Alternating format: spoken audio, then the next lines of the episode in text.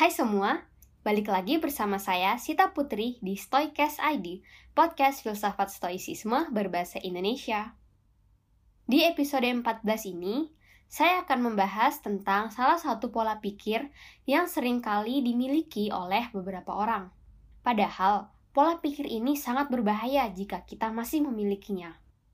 Pola pikir ini adalah 3P, yaitu personalization, pervasiveness, dan permanence.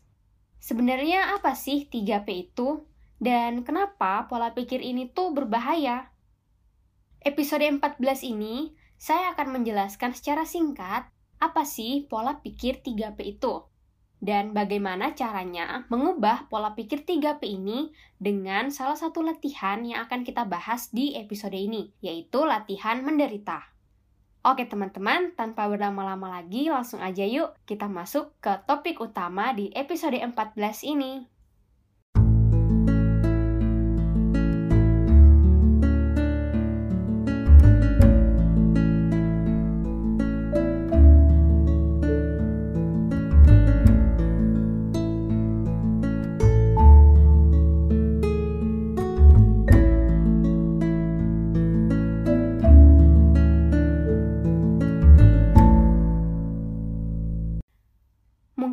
Beberapa teman-teman ada yang belum tahu apa sih pola pikir 3P ini dan kenapa pola pikir ini tuh berbahaya.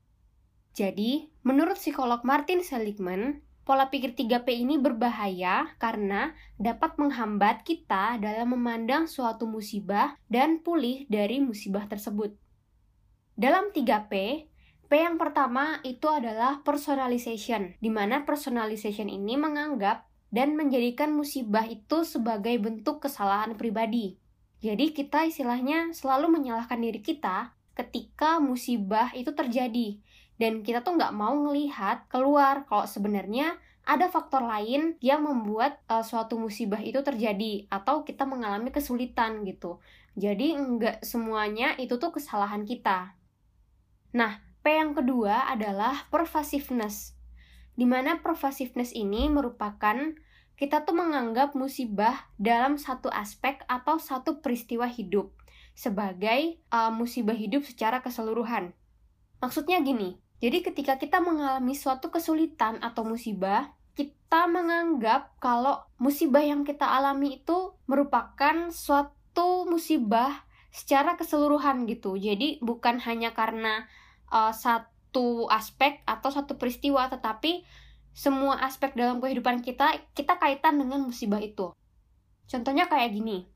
Misal ketika kita tidak lolos SBMPTN. Nah, itu kita menganggap kalau uh, kita itu udah gagal dalam kehidupan kita. Padahal ya kita tuh hanya gagal nggak masuk atau nggak lolos SBMPTN gitu. Itu yang dimaksud dengan pervasiveness. Kemudian, P yang ketiga adalah permanence permanen yakni kita tuh meyakini bahwa kita akan merasakan akibat dari sebuah musibah secara terus-menerus sepanjang hidup kita. Jadi, ketika kita mengalami suatu kesulitan atau suatu musibah, emosi atau perasaan yang kita rasakan akan kita rasakan terus-menerus sepanjang hidup kita. Entah itu kita merasa galau ketika mengingat peristiwa itu atau kita merasa sedih gitu. Jadi, permanensi ini menganggap bahwa uh, kesalahan yang tadi atau musibah yang tadi kita nggak lolos SBMPTN ini tuh akan membuat kita itu merasa sedih sepanjang hidup kita gitu. Padahal kan enggak gitu. Lalu selanjutnya, kenapa sih pola pikir 3P ini berbahaya? Karena pola pikir 3P hanyalah persepsi atau konstruksi atas pikiran kita sendiri, bukan fakta asli. Dalam personalization misalnya, tidak semua masalah hidup disebabkan oleh kesalahan kita sendiri. Kita harus paham bahwa ada hal-hal yang berada di luar kendali kita, tetapi ada juga hal-hal yang berada dalam kendali kita. Nah, di sinilah gimana kita itu harus pandai mengidentifikasi penyebab masalah. Apakah uh, suatu musibah atau suatu kesulitan ini memang ada andil dari kita yang membuat kita mengalami musibah itu gitu atau memang ada faktor lain nih di luar kendali kita. Kemudian berikutnya yaitu pervasiveness. Di mana dalam pervasiveness ini, musibah yang kita alami dalam satu aspek hidup itu tidak otomatis menjadikan musibah itu akan kita alami juga dalam semua aspek kehidupan. Jadi ketika misal kita nggak lolos SBMPTN nih, nah kita nggak bisa melihat bahwa ya kita nggak lolos SBMPTN aja, tapi tidak membuat kita untuk apa ya istilahnya eh, nggak uh, bisa kuliah gitu. Kita masih bisa kuliah di tempat lain mungkin uh, tanpa harus lolos SBMPTN kayak gitu. Dan uh, ketidaklolosan kita dalam SBMPTN ini tuh nggak otomatis menjadikan uh, peristiwa ini akan kita alami dalam hidup kita selanjutnya. Kayak misal kita lolos kita nggak lolos SBMPTN, uh, berarti kita gagal dong di aspek-aspek yang lain. Belum tentu gitu. Nah ini harus diingat. Kemudian yang terakhir permanence. Nah permanence ini terkait dengan perasaan serta emosi-emosi yang kita rasakan saat mengalami musibah itu. Seperti sedih, galau, kecewa. Dan itu tuh kita meyakini bahwa perasaan ini tuh uh, akan bertahan lama. Padahal sebaliknya perasaan ini nggak akan bertahan lama di kita. Mungkin saja di beberapa kasus perasaan atau emosi yang kita rasakan menyebabkan luka psikologis. Tetapi sebagian besar orang mengalami bahwa perasaan-perasaan galau, sedih, dan kecewa ini seiring waktu akan perlahan-lahan memudar. Jadi nggak akan bertahan lama uh, di dalam kehidupan kita. Lalu gimana nih cara mengubah mindset dari 3P ini? Nah, yaitu dengan latihan menderita. Sebenarnya apa sih manfaat dari latihan menderita ini? Nah, yang pertama, dengan disiplin berlatih menderita, pola pikir 3P ini nantinya perlahan-lahan akan berubah dan ini memengaruhi cara kita memandang musibah. Kita itu akan menjadi lebih bijaksana dan dewasa ketika musibah itu terjadi dalam kehidupan kita. Kemudian yang kedua, kita terbiasa dengan musibah atau kesulitan yang datang tidak terduga. Karena sudah terbiasa ini, ketika ada kesulitan lain yang datang, kita tuh nggak akan kaget dan kita juga akan lebih siap dalam menghadapi kesulitan atau musibah itu. Kemudian yang ketiga, kita akan lebih mudah menerima dan memaknai suatu musibah yang terjadi dalam hidup kita. Dengan berlatih menderita ini, kita diharapkan tidak akan lagi menyalahkan diri sendiri secara berlebihan. Nah, teman-teman, latihan menderita ini ada tiga cara. Yang pertama yaitu premeditatio malorum.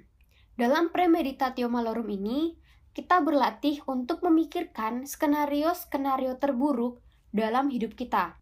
Latihan premeditatio malorum ini dapat membantu kita untuk menghadapi musibah atau kesulitan dengan pikiran yang tenang dan sikap yang layak. Penjelasan terkait premeditatio malorum ini bisa teman-teman cari di episode-episode sebelumnya dari Stoikas ID. Saya sudah pernah membahas lebih lengkap tentang premeditatio malorum. Yang kedua, berlatih dengan ketidaknyamanan. Seneca dalam bukunya Letters menyebutkan, jika kamu ingin seseorang tidak goyah saat krisis menghantam, maka latihlah dia sebelum krisis itu datang. Nah, latihan dengan ketidaknyamanan ini dimaksudkan apakah kita tuh bisa hidup nggak sih dalam ketidaknyamanan walau hanya beberapa hari saja. Contohnya, yang biasa makan di restoran, bisa coba makan di burjo atau warung-warung pinggir jalan. Yang biasa berkendara dengan mobil, bisa coba dengan naik motor. Atau yang biasa berkendara menggunakan taksi, bisa coba dengan ojek. Kemudian yang biasa pakai smartphone mungkin bisa coba ganti HP biasa tanpa internet. Hayo, bisa nggak tuh? nah, jika kita sudah berlatih hal tersebut, kita akan menyadari bahwa sebenarnya kita tuh masih tetap bisa bertahan hidup walau tanpa kenikmatan yang selama ini kita miliki. Kemudian yang terakhir, yaitu dengan bertahan. Marcus Aurelius dalam Meditations mengungkapkan seperti ini. Jadilah seperti tebing di pinggir laut yang meskipun terus dihujam ombak, ia tetap tegar dan menjinakkan murka air di sekitarnya. Jadi teman, bertahan tidak selalu menjadi opsi yang terburuk. Kadang ketika kita mengalami musibah atau kesulitan, Bertahan adalah satu-satunya cara untuk kita bisa melalui musibah itu. Sampai akhirnya musibah itu berhenti karena kelelahan bergulat dengan kita yang dengan teguhnya bertahan dalam menghadapi segala kesulitan dan musibah itu. Jadi teman-teman, kesimpulannya adalah pola pikir 3P ini, yaitu personalization, pervasiveness, dan permanence, membahayakan kita karena dapat menghambat proses pemulihan diri kita dari suatu musibah. Latihan menderita akan mengubah pola pikir kita secara perlahan-lahan terhadap suatu musibah yang kita hadapi. Kita juga tidak akan kaget ketika menghadapi musibah atau kesulitan lain dalam hidup, karena kita sudah terbiasa dan akan berhenti menyalahkan diri sendiri secara berlebihan ketika kita mengalami musibah itu. Oke teman-teman semua, Kesimpulan tadi menjadi penutup di episode kali ini.